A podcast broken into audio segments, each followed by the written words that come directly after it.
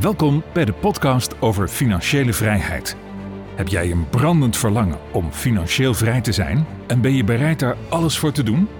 Jouw podcast-host Robert Oosthout neemt je tijdens deze aflevering mee op een inspirerende reis waarbij allerlei aspecten van financiële vrijheid aan bod komen.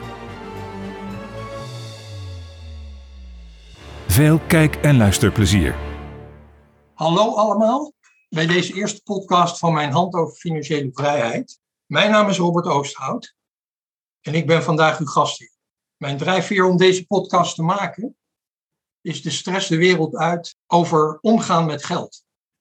Vandaag is mijn gast Barbaro van der Ham van bonnebuxbox.com en we gaan het hebben over de wereld van genoeg. Welkom Barbaro.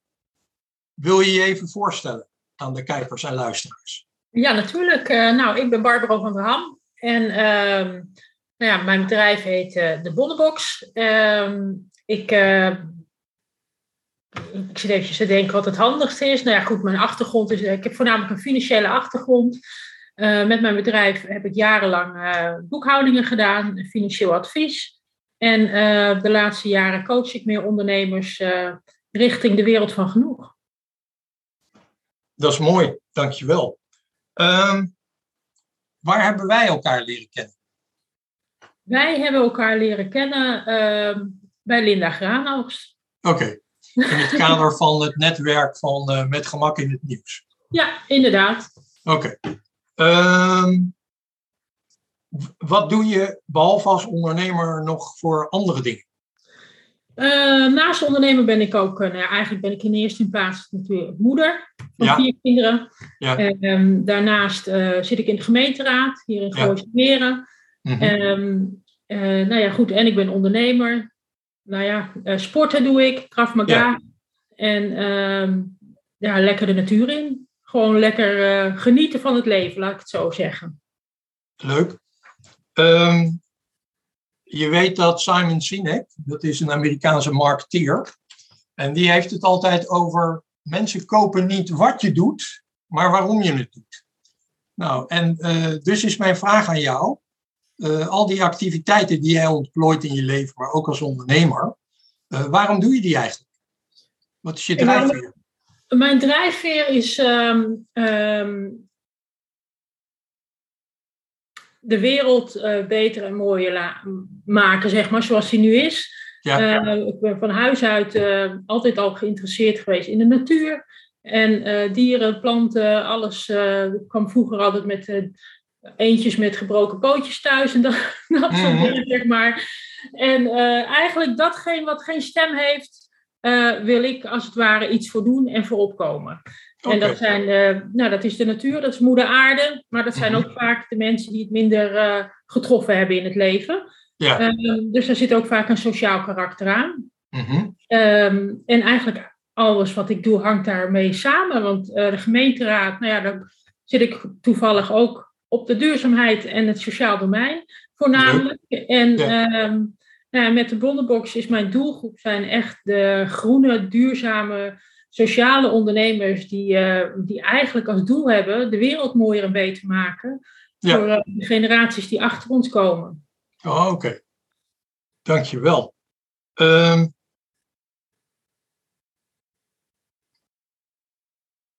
waar doe je dat, dat ondernemerschap? Ik bedoel, dat kan uh, thuis zijn, op een kantoor, online, offline. Wat kun je daarover vertellen? Um, dat doe ik uh, vanuit, uh, in principe vanuit Bussum. Uh, mm-hmm. Ik heb hier mijn kantoor.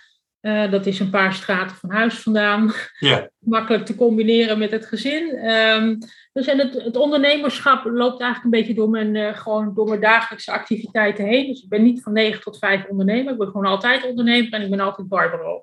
Yeah. Um, dus wie ik ben is mijn bedrijf. Um, en dat doe ik zowel offline als online eigenlijk. Ja. mijn, uh, uh, ik werk heel graag in de natuur. Ik doe graag aan uh, buitencoaching, zeg maar. Dus ik neem mensen ja. wandelend mee. en dan coach ik voornamelijk. Dat, dat stuk heeft meer op mindset te maken. Ik ben van ja. mening dat het ondernemerschap, het succesvol ondernemen, valt en staat bij de mindset van een ondernemer. Ja. en ehm, dat stuk is heel leuk om buiten te trainen, zeg maar, om daar mensen mee te helpen. Mhm. En een stukje online.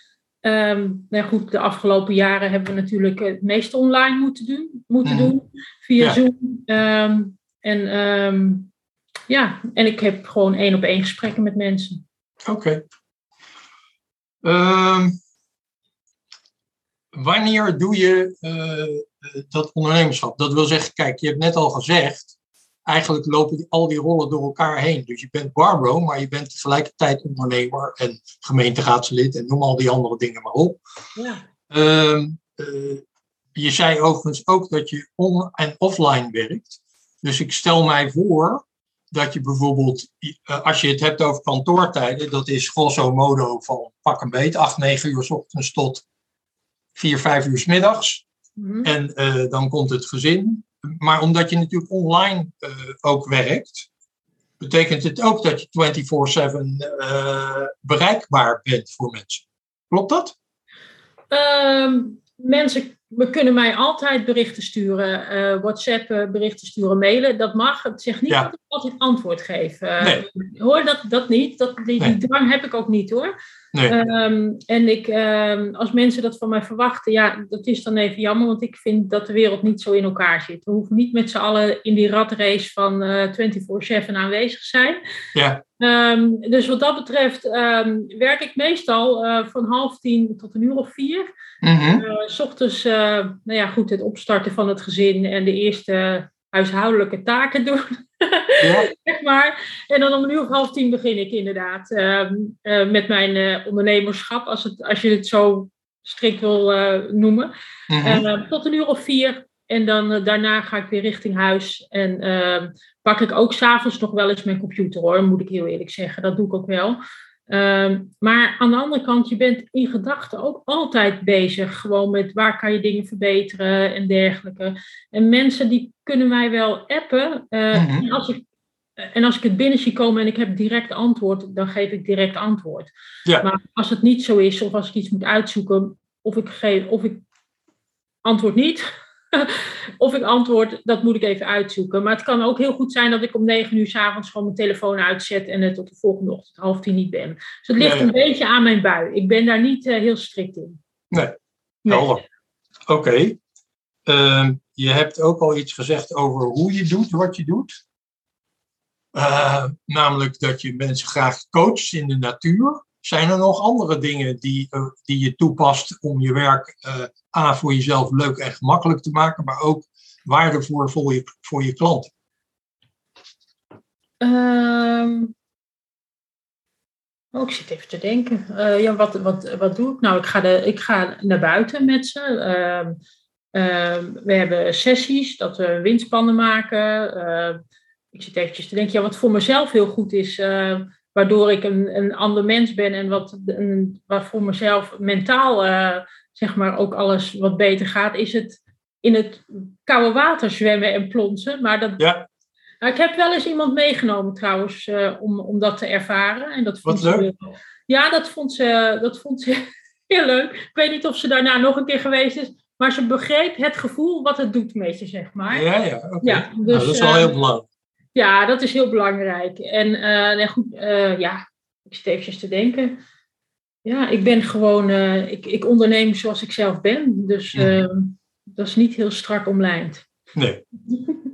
nou, is het centrale thema in jouw werk is de wereld van genoeg. Ja.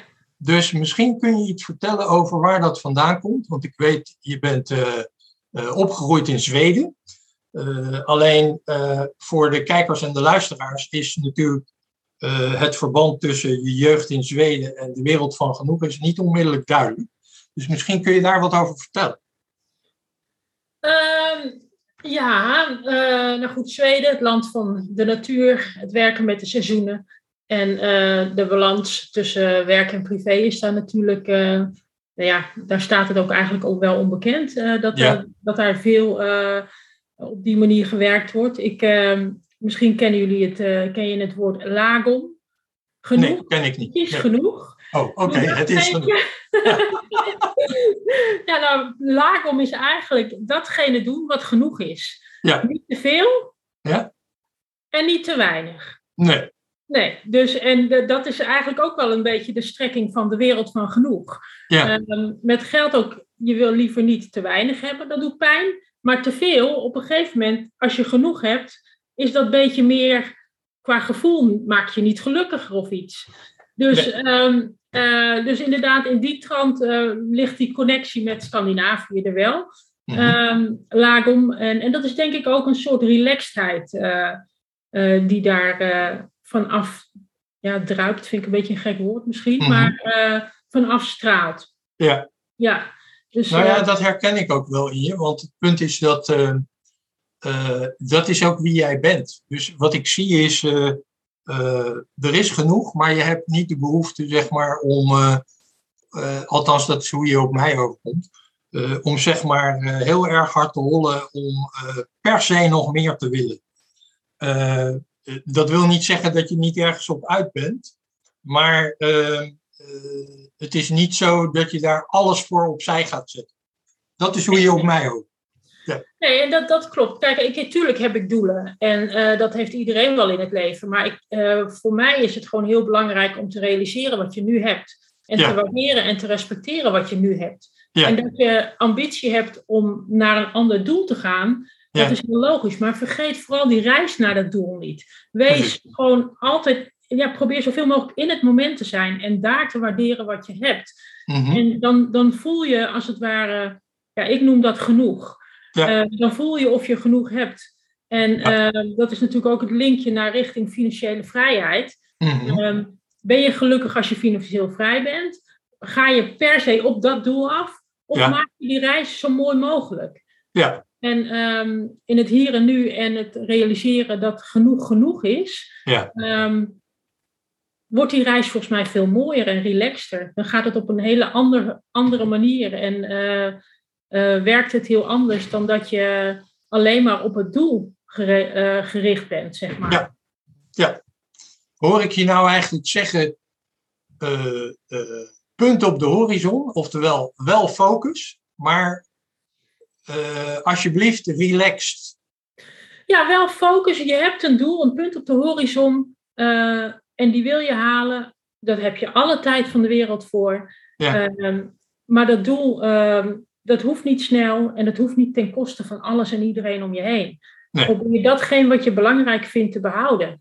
Ja. En, ehm, en, en, en schaadt daar geen andere mee met jou, het doel wat jij wil gaan behalen. Nou, want dat kan- sowieso niet. Nee, en het kan wel. Kijk, en natuurlijk gebeurt dat. Hè. Je ziet het om ons heen natuurlijk overal wel gebeuren. Dat ergens op de weg richting een doel, dat er dan in één keer of vriendschappen of familie of huwelijken of van alles eh, aan onderdoor gaat. Omdat diegene een doel heeft of iemand een doel heeft om iets te bereiken. En daar moet alles voor wijken. Mhm. En ehm, nou goed, ook de natuur uiteraard. eh, die kan daar dan niks tegen doen. Een ander kan misschien nog tegensputteren, maar dat kan de natuur natuurlijk niet. Nee. Ehm, maar, ehm, en daarin denk ik van ja, als we wat vaker zouden zeggen, goh, hè, even een tandje zachter of een tandje minder hard richting dat doel. Respecteer wat je hebt op dit moment. En dat Ja. zegt niet dat je genoegen moet nemen met alles eh, zoals het nu is en 30 jaar lang het zou willen laten zoals het nu is. Tuurlijk, Ja. je, als, je als je nu het gevoel dat je hebt dat je genoeg bent, tevreden hebt, waardeert wat je hebt, Mhm. ehm, kan je uiteraard nog genoeg ambities hebben om te groeien en verder te gaan. Mhm. Maar ehm, het, eh, het- die stip op de horizon, dat doel, dat hoeft niet het, het walhalla te zijn, laat ik het zo zeggen. Nee, precies. Ja, Overigens, ehm, eh, als ik jou dat hoor zeggen, dan denk ik wel, eh, dan komen er andere onderwerpen in op. Dan denk ik van, oké, maar tijd is wel ons zeldzaamste resource, mhm. of onze zeldzaamste hulpbron. Immers, in dit lichaam, op deze wereld, hebben wij maar een beperkte tijd door te brengen. Ja. En natuurlijk wil je dat zo eh, plezierig mogelijk. Ehm, eh, zonder, dat dat zo, zonder dat je zeg maar nou heel erg gespannen daarover over hoeft te zijn. Maar het is natuurlijk wel zo, op een gegeven moment verwisselen we tijdelijk eh, voor het eeuwige.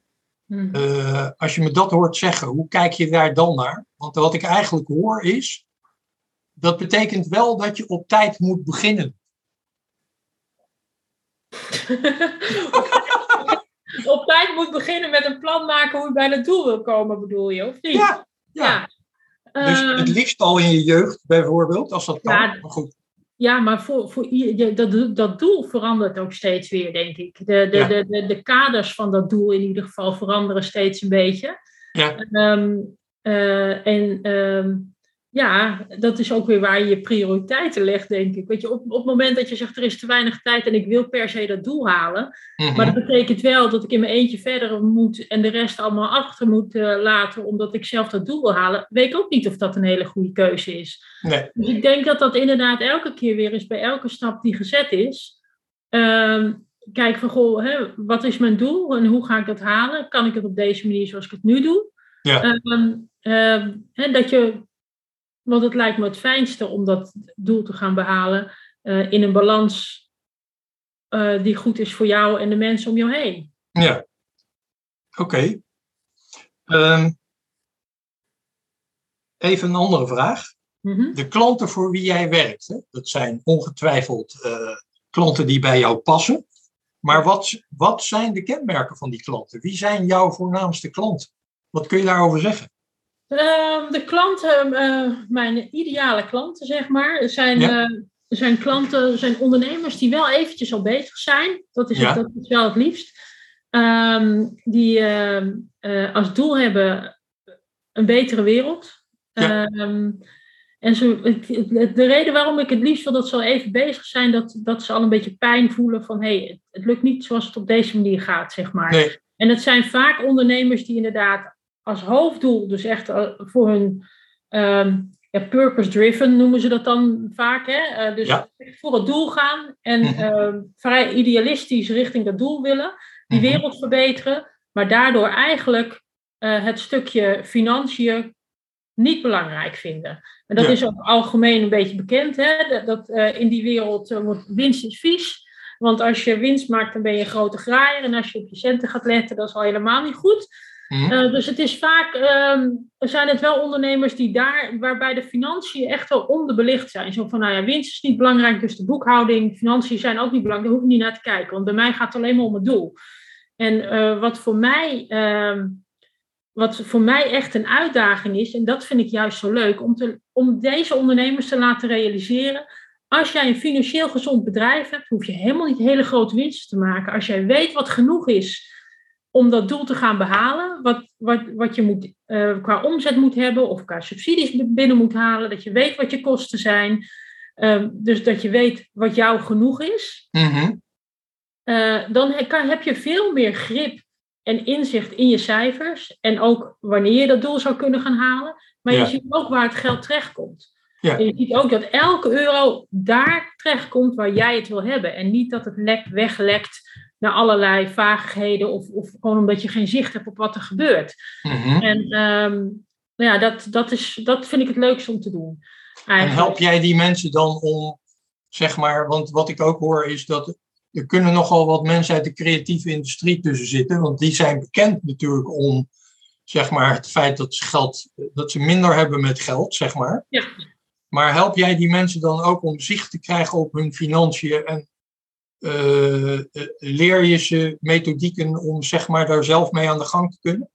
Ja, ik, uh, ik help deze ondernemers sowieso met een, uh, een, een soort een routine in het boekhouden, laat ik het zo zeggen. Ja. Ik boekhoud niet voor ze, maar ik leer ze wel van goh, hè, één minuut per dag, vijf minuutjes per week, half uurtje per maand ongeveer. Precies. Wat doe je dan? Ja. en daarbij um, werk ik met de Profit First methode. Ja. En uh, dat is eigenlijk een, methode om je kaststroom, je cashflow, te managen. Dus, daar... ja, dus wat jij zegt is, uh, ik help ondernemers om hun onderneming te drijven op basis van cashflow. Ja. Dat is wat ik je hoor zeggen. Ja, en ik, ik, ik leer ze de, door alleen al te kijken naar je bankafschriften of naar je bank wat daar gebeurt, ja. krijg je al zicht. Want dat doen heel veel ondernemers niet. Dagelijks even kijken of wekelijks even kijken. Dus ze hebben geen idee wat erin komt en wat eruit gaat. Alleen is elke keer aan het eind van de maand uh, weer eventjes een verrassing van wat ze naar zichzelf over zouden kunnen maken. dat is natuurlijk zonde. Ja. Uiteindelijk krijg je daar privé ook last van. Klopt. En, ehm, dus, ehm, en ik, heb, ik help ze dan uh, door het implementeren van Profit First. Ja. Ehm, dat is een, methode, dat gaat over die potjes. Uh, van vroeger had je van die huishoudpotjes, zeg maar, met boodschappen, uh, kolen, huur, vakantie of zo, zeg maar. En Profit First is een tijdje, een paar jaar geleden ontstaan. En wij gaan daar vanuit van de potjes, je neemt eerst je winst, dan je salaris, dan zet je een beetje weg voor de Belastingdienst. Een beetje of misschien heel veel. Dat ligt een beetje aan hoe je, hoeveel winst je draait natuurlijk. Gemiddeld 35 procent van de bruto omzet. Ja. Dus, uh, en elke keer als er geld binnenkomt op jouw rekening, verdeel je het over die potjes. Ja. En dus dat geeft dus heel veel inzicht um, in wat er gebeurt in je kaststroom. En daar help ik deze ondernemers mee. En dat, het is vaak al echt een hele uh, ja, verlichting en het geeft ook vaak heel veel rust al, dat ze dat in één keer zien. Van, oh joh, ja, überhaupt inzicht, inzicht, in wat er inkomt en wat er uitgaat. Ja. Als ik, als ik dit nou allemaal samen zou moeten vatten, hè, wat haal jij hieruit, uit dit werk? Wat is, wat is, waar word jij blij van? Ik word, uh, ik word blij als, die, uh, als ik zie dat die ondernemer, zeg maar, die kwartjes gaan vallen. Ja. Dat, dat, dat, stukje, dat dat stukje financiën, het fundament van je bedrijf eigenlijk, mm dat dat uh, heel belangrijk is en dat dat niet vies is. Ja. Dat het, je kan heel veel automatiseren. Het kost helemaal niet veel tijd als je, het, als je daar een routine voor maakt, zeg maar. Ja. Uh, en je boekhoudsysteem automatiseert en dergelijke. Met die potjes gaat werken. Dan heb mhm. je, dat, dat geeft zo'n mooie basis. En ik, ik, uh, ja, het mooiste vind ik als er ondernemers zijn die inderdaad echt, nou ja, als het ware bijna met een tas met uh, enveloppen binnenkomen van, oh ja, dit heb ik hier nog liggen, heb ik nog niet opengemaakt, maar. Um, en dat we dan inderdaad gewoon gaande dat traject gaan zien van, hé, hey, diegene heeft echt het besef van, oké, dus als ik hiermee aan de gang ga, dan weet ik op een gegeven moment ook hoeveel salaris ik eruit kan halen, wat ik nodig heb voor privé. Mhm. En um, uh, ja, het geeft een bepaalde rust. Je ziet die kwartjes dan vallen. En dat vind ik het, gewoon het mooiste wat er is. En ze krijgen echt zicht op, uh, op dat doel. Wat ze mm bijdragen, wat voor impact ze maken. Ja. Uh, met hun bedrijf, als het ware. Hoe dichter ze bij dat doel gaan komen, of hoe meer ze kunnen gaan, uh, gaan doen. Weet ik, het plastic uit de oceaan, of ergens bomen planten, of, of noem maar op, zeg maar. Maar ze, dan kunnen ze zich veel meer focussen op, op dat doel waar ze mee bezig zijn. En dat is, mhm. Ja, dat vind ik gewoon heel mooi om te zien. Leuk. Ja, en anders blijft er altijd zo'n achter ergens in dat achterhoofd iets onheilspellends zitten van, oh ja, die financiën moeten ook nog. Ja. Als je het onderdeel maakt van je ondernemerschap, je dagelijkse ding, um, is het helemaal niet eng meer. Nee. En is het nou zo, want dan begin je zeg maar vroeg met zo'n ondernemer, dat, uh, uh, kijk, dan heeft hij op een gegeven moment uh, zicht op wat hij elke maand voor zichzelf kan overmaken. Mm -hmm. maar kijk je bijvoorbeeld ook naar de oude dag met die ondernemer? Ja. Oké. Dus hij begint niet... meteen al te reserveren voor, voor dat soort aspecten. Ja, we maken in principe een soort nul, een nulmeting hè, van waar sta je nu. Um, ja. En daarna maken we een plan van, goh, hey, wat, wat is jou, nou jouw droomwereld? Hoe ziet jouw wereld van genoeg eruit? Ja. Uh, dan, en, en daar gaan we kijken van wat er dan gedaan moet worden, zeg maar. Welke stappen er genomen moeten worden. En daar kan een onderdeel van zijn, mijn oude dag reserveren. Ja. Um, nou ben ik zelf geen pensioenexpert of wat dan ook, dus ik verwijs meestal door. Ja. Uh, ik, ik, weet wel wat, wat de alternatieven kunnen zijn, wat de keuzes kunnen zijn, zeg maar. Mm -hmm. Maar ik ga, ik ga niet zeggen, dit moet je doen of wat dan ook. Uh, maar wel aanstippen, let erop, dat moet ook gebeuren. Ja, ja. leuk. Um, zijn er dingen waarvan jij zegt in het kader van dit gesprek, want we zijn nu 20, 21 minuten bezig, waar je nog extra aandacht aan zou willen besteden? Um, ik, uh, ik zit eventjes te denken. Um, mijn, uh, uh, het idee misschien achter de, wereld van genoeg. Mhm. Waardoor die een beetje ontstaan is. Het, het, het gevoel van eh, met z'n allen alleen maar groter, beter, mooier en dergelijke. En ehm, dat we daar op dit moment de wereld niet beter van mee maken. Eigenlijk alleen maar minder. Ja. De moeder aarde is een beetje op. Ehm, en eh, het mooiste daarin zou zijn als we elkaar, als we dat om kunnen keren. Mhm. Eh, door onder andere uit die ratrace te stappen. Ja. Alleen is de hele maatschappij zit vol met alleen maar ratrace-activiteiten. En alles om ons heen is daarop ge, op, eigenlijk ja, uh, op ge, geënt uh, om ons alleen maar uh, drukker, vermoeider, zieker te maken, zeg maar. Mhm. en dat is natuurlijk heel jammer. En ehm, ja, dat, en daarom stap ik zeg maar in die wereld van genoeg. Van jongens, kom op. denk af en toe eens even na, heb ik die ene broek nodig? Is mijn to-do-lijstje niet veel te lang? Hoe, hoe, vaak ga je s'avonds wel niet naar bed dat je denkt, shit, ik heb weer mijn lijstje niet af. En word je de volgende ochtend wakker, oh, hm, nog hartstikke moe, ik heb niet genoeg geslapen. Weet je, we, we, we leren eigenlijk alleen maar om nooit genoeg te zijn. Uh, nooit, genoeg, ja, dat is... nooit genoeg te zijn. Ja. Uh, en dat geeft op een duur natuurlijk een bepaalde teleurstelling in jezelf. Van, uh, ik ben nooit genoeg. Dat. En ik denk dat er nog andere aspecten zijn. Kijk, um, je hebt gelijk als je zegt van we leren eigenlijk om nooit genoeg te hebben, nooit tevreden te zijn enzovoort. Um, ik heb me al een hele tijd bezig gehouden met de bestudering, ook geschiedkundig, van financiën en bankaire zaken enzovoort.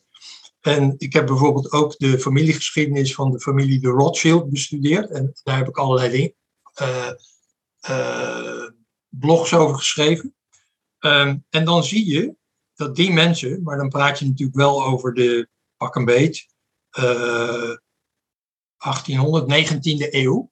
Dus, dus die Meyer de Rothschild, die, had, die heeft er 300 jaar over gedaan met zijn familieleden om zeg maar nu de controle over alle centrale banken in de hele wereld te krijgen. Nou, Ja. en dan zijn er nog uh, uh, pak een beet ongeveer 10, 20 uh, families in de wereld. Uh, zoals de Parijse bankiersfamilie de La Salle. Uh, de Warburgs, de Chiefs, nou, noem ze allemaal maar op. de Oranjes bijvoorbeeld. Ehm, die zeg maar overal aan de knoppen zitten. Maar het is ook zo, dat weet jij ook. Kijk, de overheid, wie dat dan ook mogen zijn, sinds even lang heeft altijd bepaald uh, wat wij moesten leren op school. En ook op de vervolgopleiding. Ja. En daar zit hem de crux. Want als ik dan Mark Rutte, aan wie ik uh, het voorstel heb gedaan om kinderen uit groep 8 te trainen in financiële vaardigheden. Dus, en toen zei hij dat is een leuk idee. Maar wij zijn balken en de twee. En dat staat voor eigen verantwoordelijkheid. Um, en met andere woorden, wij gaan er niks aan doen. Uh, nee, want wat is de fun? Die overheid heeft maar één belang. Namelijk dat wij zo lang mogelijk belasting betalen. Ja. En die hebben. Kijk, mijn probleem met, dat, met die kortzichtige visie. is dat je misschien dan tijdelijk wel minder belastingopbrengsten hebt. Maar als we uh, allemaal weten hoe we met geld om moeten gaan. want dat weten we, weet 97% van de mensen niet. Vandaar dat 3% de controle heeft over 97% van alle hulpbronnen op aarde. Mm -hmm. Um, en die, zit, en die wonen voornamelijk in die rijke landen, zeg maar. Mm -hmm. Nou, en um, uh, kijk, ik kom zelf, ik ben het product van, van twee families, waarvan de ene van ongeveer Karel de Grote tot 1677 van adel was. Dan praat ik over de familie van mijn moeder. Die stamt namelijk af van de heren van Zeist. En uh, uh, mijn, de familie van mijn vader, uh, die komt uit Twente en die hadden zich na één generatie in Middelburg gevestigd. En die hebben zich in de loop der eeuwen ontwikkeld tot hoge bestuursambtenaren en hoge officieren in de Nederlanden.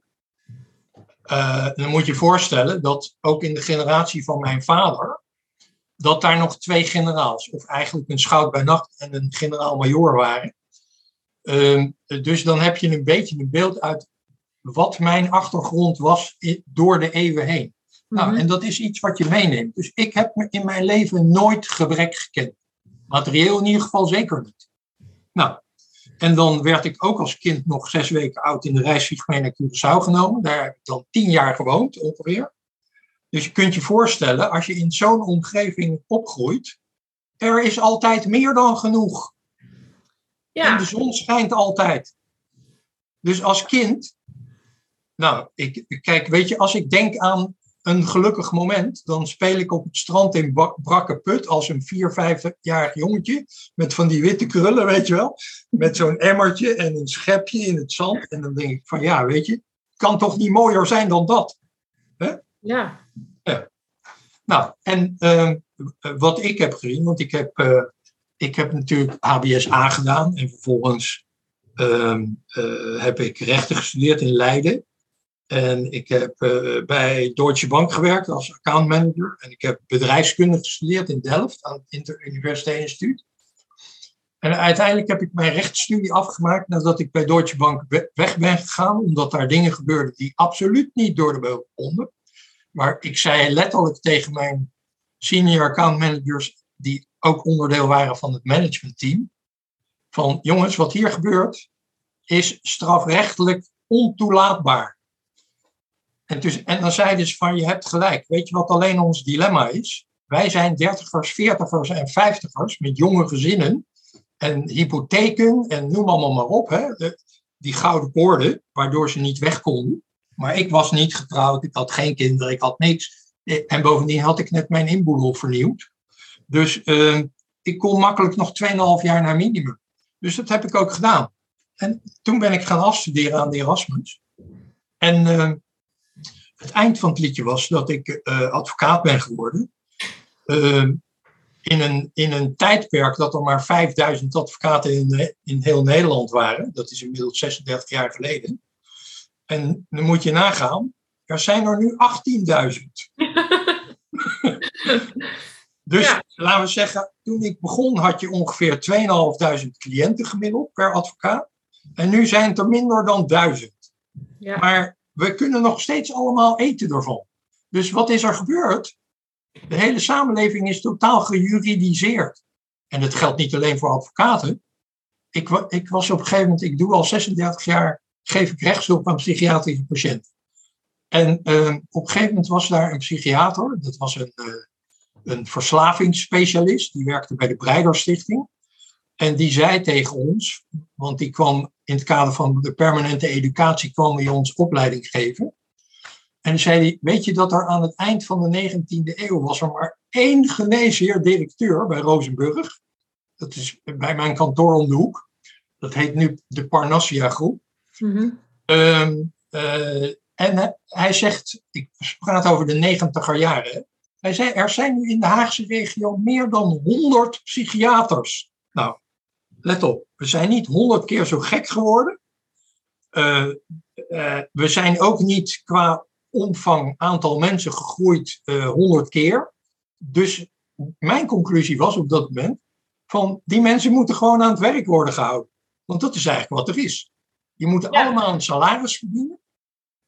En dan worden ze nog geholpen door de verzekeraars, want ze moeten nu declareren op basis van declaratiebehandelcode, DBC-codes. Mhm. En als we dat niet doen, gekoppeld aan uh, dat dikke handboek, wat gaat over, over allerlei ziektebeelden, ehm, doen ze dat namelijk niet, krijgen ze niks betaald.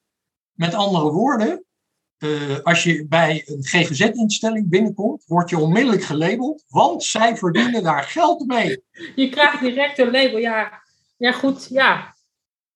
Kortom, er wordt helemaal geen aandacht meer besteed aan de mens van de patiënt. Nee. En aan de ziekte, aan het beter maken van die mens. Nee, er moet eerst en vooral geld verdiend worden. Ja. Hoe arm zijn wij eigenlijk? Ik, ik zei op een gegeven moment van, volgens mij is de echte oplossing van dit probleem is geboortebeperking. Alleen dat duurt te lang. ja, het is natuurlijk ongelooflijk. Ja, gewoon uh, eerst iemand een stempel geven voordat je überhaupt weet wat diegene heeft. Eigenlijk bij als iemand bij je komt, direct inderdaad uh, ja, stempel geven. En zonder dat je überhaupt iemand eigenlijk onderzocht hebt, als het ware. En ehm, dat is natuurlijk een heel fout, fout label om je geld mee te mogen verdienen, zeg maar. Ook vanuit de verzekering, hè? Ja, ja. Ja, want je helpt hier geen mensen mee. Nee. Want die worden heel snel op iets anders gediagnosticeerd, zeg maar. Nou ja, hoe dat dan vaak gaat, ze worden met een crisismaatregel opgenomen. Ja. Dan komt een psychiater van de crisisdienst. Die heeft een gesprekje met je van 1 tot 5 minuten. En dan uh, kan die in die 5 minuten beoordelen wat jij zou moeten hebben. Ja, nou, nou dat kan natuurlijk nooit. Nee. Uh, kijk, ze doen er al uh, maanden over om een echte diagnose te stellen. Dus dat betekent dat die mensen die worden op, op een werkhypothese gezet, want dat is eigenlijk wat er is. En dan wordt er gekeken van, nou, we geven ze dan deze medicijnen. En ik zeg niet dat die psychiaters hun werk niet doen. Mm het probleem is alleen dat, kijk, het is niet zoals een gebroken been. Daar zie je namelijk onmiddellijk wat er aan de hand is. Ja, dat is Daar ga je naar de orthopeed, die, die rukt een beetje aan dat been, die zet de boel weer recht, die zet, zet er desnoods een paar schroeven in, die doet er gips omheen. En dan ben je zes weken uit de running. Maar daarna kun je gewoon weer revalideren. Maar dat is met psychische ziektes natuurlijk niet. Nee. nee dus maar, dat... Uh, oh, nee, sorry. Nee, ik wou zeggen. Ehm, en, uh, en, en wat heeft dat dan uh, voor connecties met de wereld van genoeg? Nou ja, kijk, ik zei net van eh, de eigenlijke oplossing is geboortebeperking. Kijk, als we daarin zouden slagen, dan komen we vanzelf op dat punt weer terecht waar uh, er evenwicht is, zeg maar. Dan heb je de wereld van genoeg. Alleen ik ben bang dat de overheid daar geen enkel belang bij heeft. Nee, dat denk ik ook niet. Nee. nee. Zou ook wel een drastische maatregel zijn. Ja, ja. We zijn niet China. Ja, maar goed, het zegt aan de andere kant wel weer hoeveel meer patiënten met allemaal welvaarts- en welzijnsziektes. Ja. Mensen die te druk hebben. Ja. Burn-outs, uh, door weet ik voor wat allemaal. Alleen maar druk van de samenleving om te moeten presteren. Ja, en weinig uh, in hebben met zingeving. Dus uh, dat is iets waar ik met Jolanda over ga bespreken binnenkort. Oké, ja, dat is een andere podcast. Dat is een andere podcast. Ja. dus, Heb jij het idee dat we alles behandeld hebben? Wat je zou willen Ja, ik wilde eigenlijk alleen nog aan jou vragen. Hoe ziet jouw wereld van genoeg eruit? Mijn wereld van genoeg? Hoe zou die nou, eruit zien? Nou, kijk, het punt is dit. Uh, ik ben nu natuurlijk 68. Ik zei net, ik kom uit een omgeving waar altijd al genoeg was. Um, alleen het is ook zo, kijk, ik heb, uh, ik heb AOW, waardoor we uh, gedeeltelijk financieel vrij zijn. Want wat ik heb gedaan, is zeg maar kijken met elkaar samen van wat hebben wij nodig om van te leven. Verdubbel dat in verband met de inflatie. Um, nou, en toen hebben we, dat kwam er overigens op neer dat wij 5000 euro per maand uh, zouden willen hebben. Dat is dat. Mm wat we vervolgens hebben gedaan, we hebben ons huis in Rotterdam verkocht, waarmee we de kosten van levensonderhoud met 65% naar beneden hebben gebracht. Nou, kijk. Of de, of de, nee, ik moet het goed zeggen. De woonkosten met 65%, waardoor de kosten van levensonderhoud met ruim 40% naar beneden ging. Dus dat was een enorme klapper. En tegelijkertijd hebben Ottoline en ik relatief weinig pensioen. Um, en dat betekent dat we het ook op een andere manier moesten doen. Maar kijk, ik, mijn werk, ik vind mijn werk leuk. Mm-hmm. Dus uh, ook omdat er medisch al lang is aangetoond dat uh, zolang jij gezond bent, dat het veel beter is om gewoon door te werken. Daarom werk ik nog. Dus ja. we kunnen wel 75, 80 procent financieel vrij zijn. De rest potten we namelijk gewoon op. uh, uh, zodat mocht ik wegvallen, dat kan natuurlijk maar zomaar gebeuren, dat Otto in ieder geval voldoende heeft om toch door te kunnen leven. Ja. ja. Uh, en tot die tijd werk ik gewoon door zolang mijn gezondheid het toelaat en zolang ik het nog leuk vind. Maar kijk, gezien het feit dat we nu met financiële vrijheid bezig zijn, denk ik dat dat nog heel lang gaat duren. Als het ja. me gegeven is. Terug ja. naar jouw vraag. Ja. Wat is genoeg? Nou, ja, kijk. Hoe ziet jouw wereld van? Kijk, als je, als, stel dat je je ogen dicht hebt en je droomt van een wereld waar je echt tevreden, happy, gewoon zo'n net zo, waar, waarbij je je voelt zoals dat jongetje op het strand met zijn blonde krulletjes en zijn emmertje. Ja. Zo'n gevoel. Hoe zou de wereld er dan uitzien? Nou, kijk, om te beginnen, uh, op het gevaar af dat ik weer een zijstraat in sla, maar dan haal je me maar terug. Uh, kijk, in de tropen is het altijd makkelijker overleven en leven dan hier. Hè? Dat moeten we ons ook realiseren. Want daar groeit de boel gewoon aan de bomen en je rukt eraf, ja. bij wijze van spreken. Ja. Uh, en je hebt daar minder gauw een dak boven je hoofd nodig. Hoewel, tegen die brandende zon. Uh, maar goed, ehm, kijk, ik denk dat uh, als iedereen een huis een dak boven zijn hoofd heeft, en dan refereer ik aan mijn oom, dat was een Jezuïet, die zei, uh, eigenlijk hebben mensen heel weinig nodig. Ja.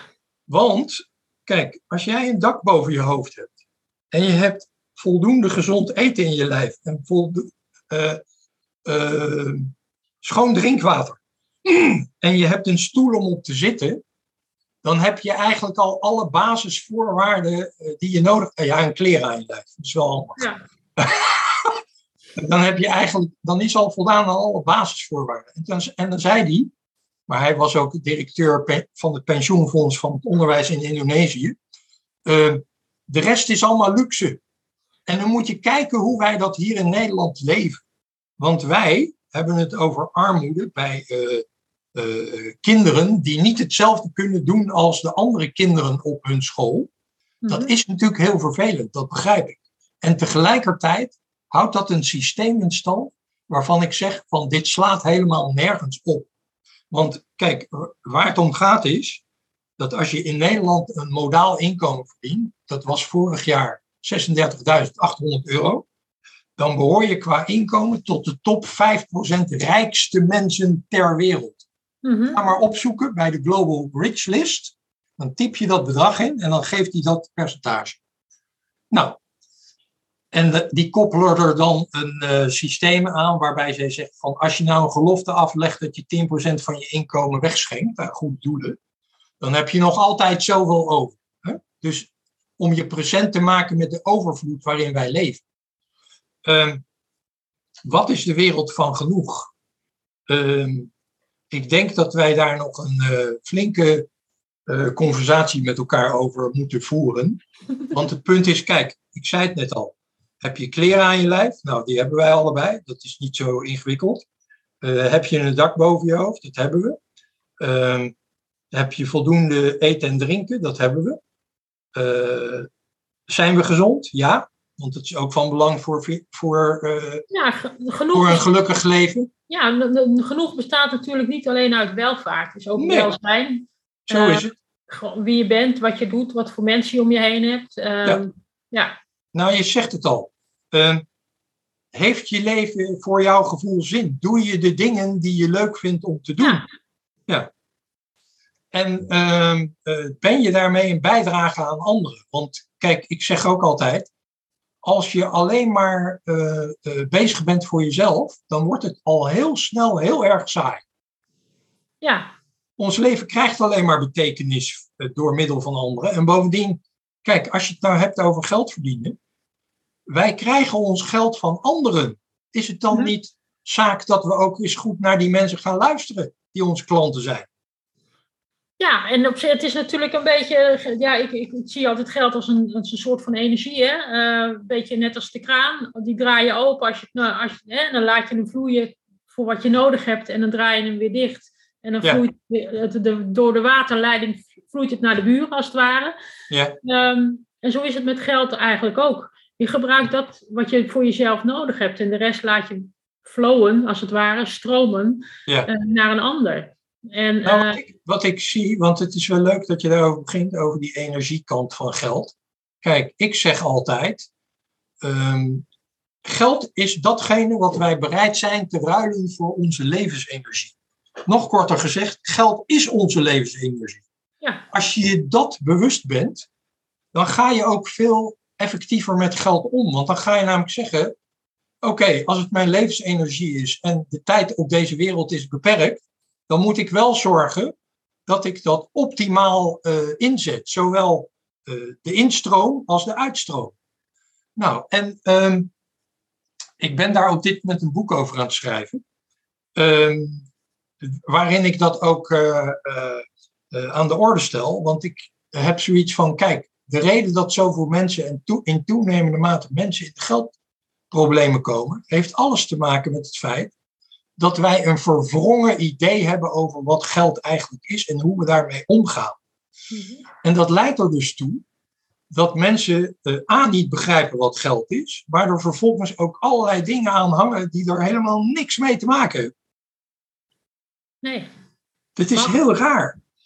Veel mensen denken geld is macht. En dat, dat hebben wij dat, er zelf dat aangegeven. zou kunnen.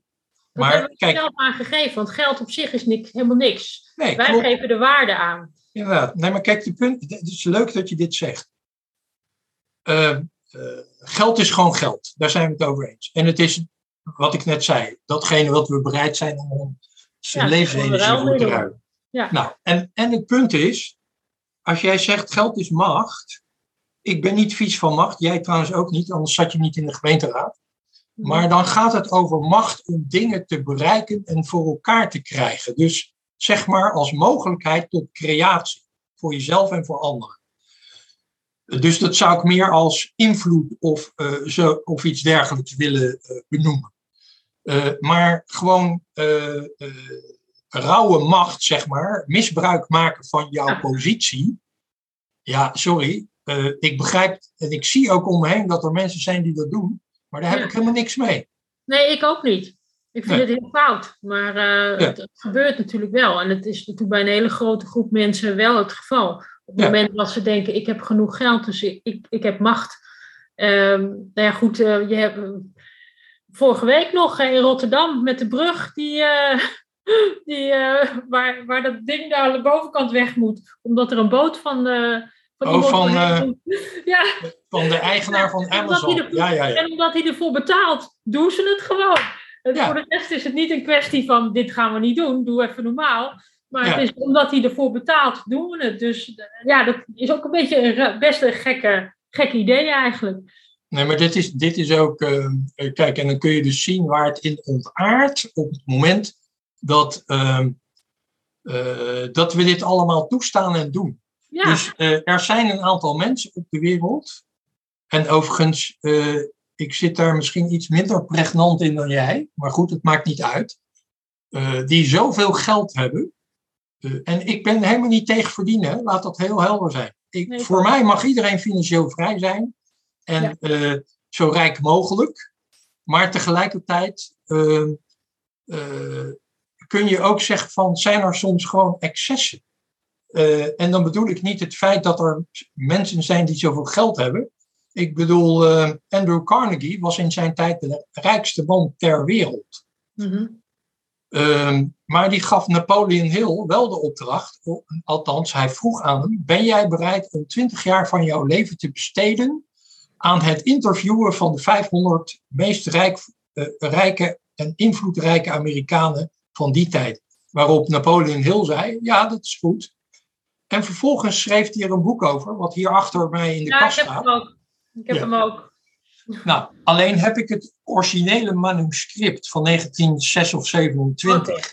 En dat is dus niet de watered-down versie. eh, die door, eh, wa- want dat manuscript is in eerste instantie opgekocht door Henry Ford, omdat hij bang was dat hij, eh, als die mensen dat gingen lezen, dat hij geen werknemers meer zou hebben. Wat is. Maar ja, dat dacht hij. Dus wat deed Ja. hij? Hij kocht die hele oplage op. Hij liet er vervolgens eh, eh, een watered-down versie van maken, met, waar allerlei essentiële informatie uit was gehaald. En dat werd dan Think and Grow Rich. Ja. Ja. Ja. Nou ja, maar eh, ja, echt bizar. Ja. Maar inderdaad, dus zie je dat mensen dus eh, bevattelijk zijn voor dat soort dingen. Ja, en ik, kijk, het maakt mij ook niet uit hè, of iemand heel veel geld uit eh, heeft of niet. Het gaat voor mij meer gewoon om, om de persoon zelf. Hè. En als diegene Maar, uh, en als diegene dat geld wil uitgeven of aan een goed doel of weet ik veel wat, maakt mij niet uit. Nee. Maar als er een nee wordt gezegd en je zegt ik ook niet, en je gaat als het ware met je geld.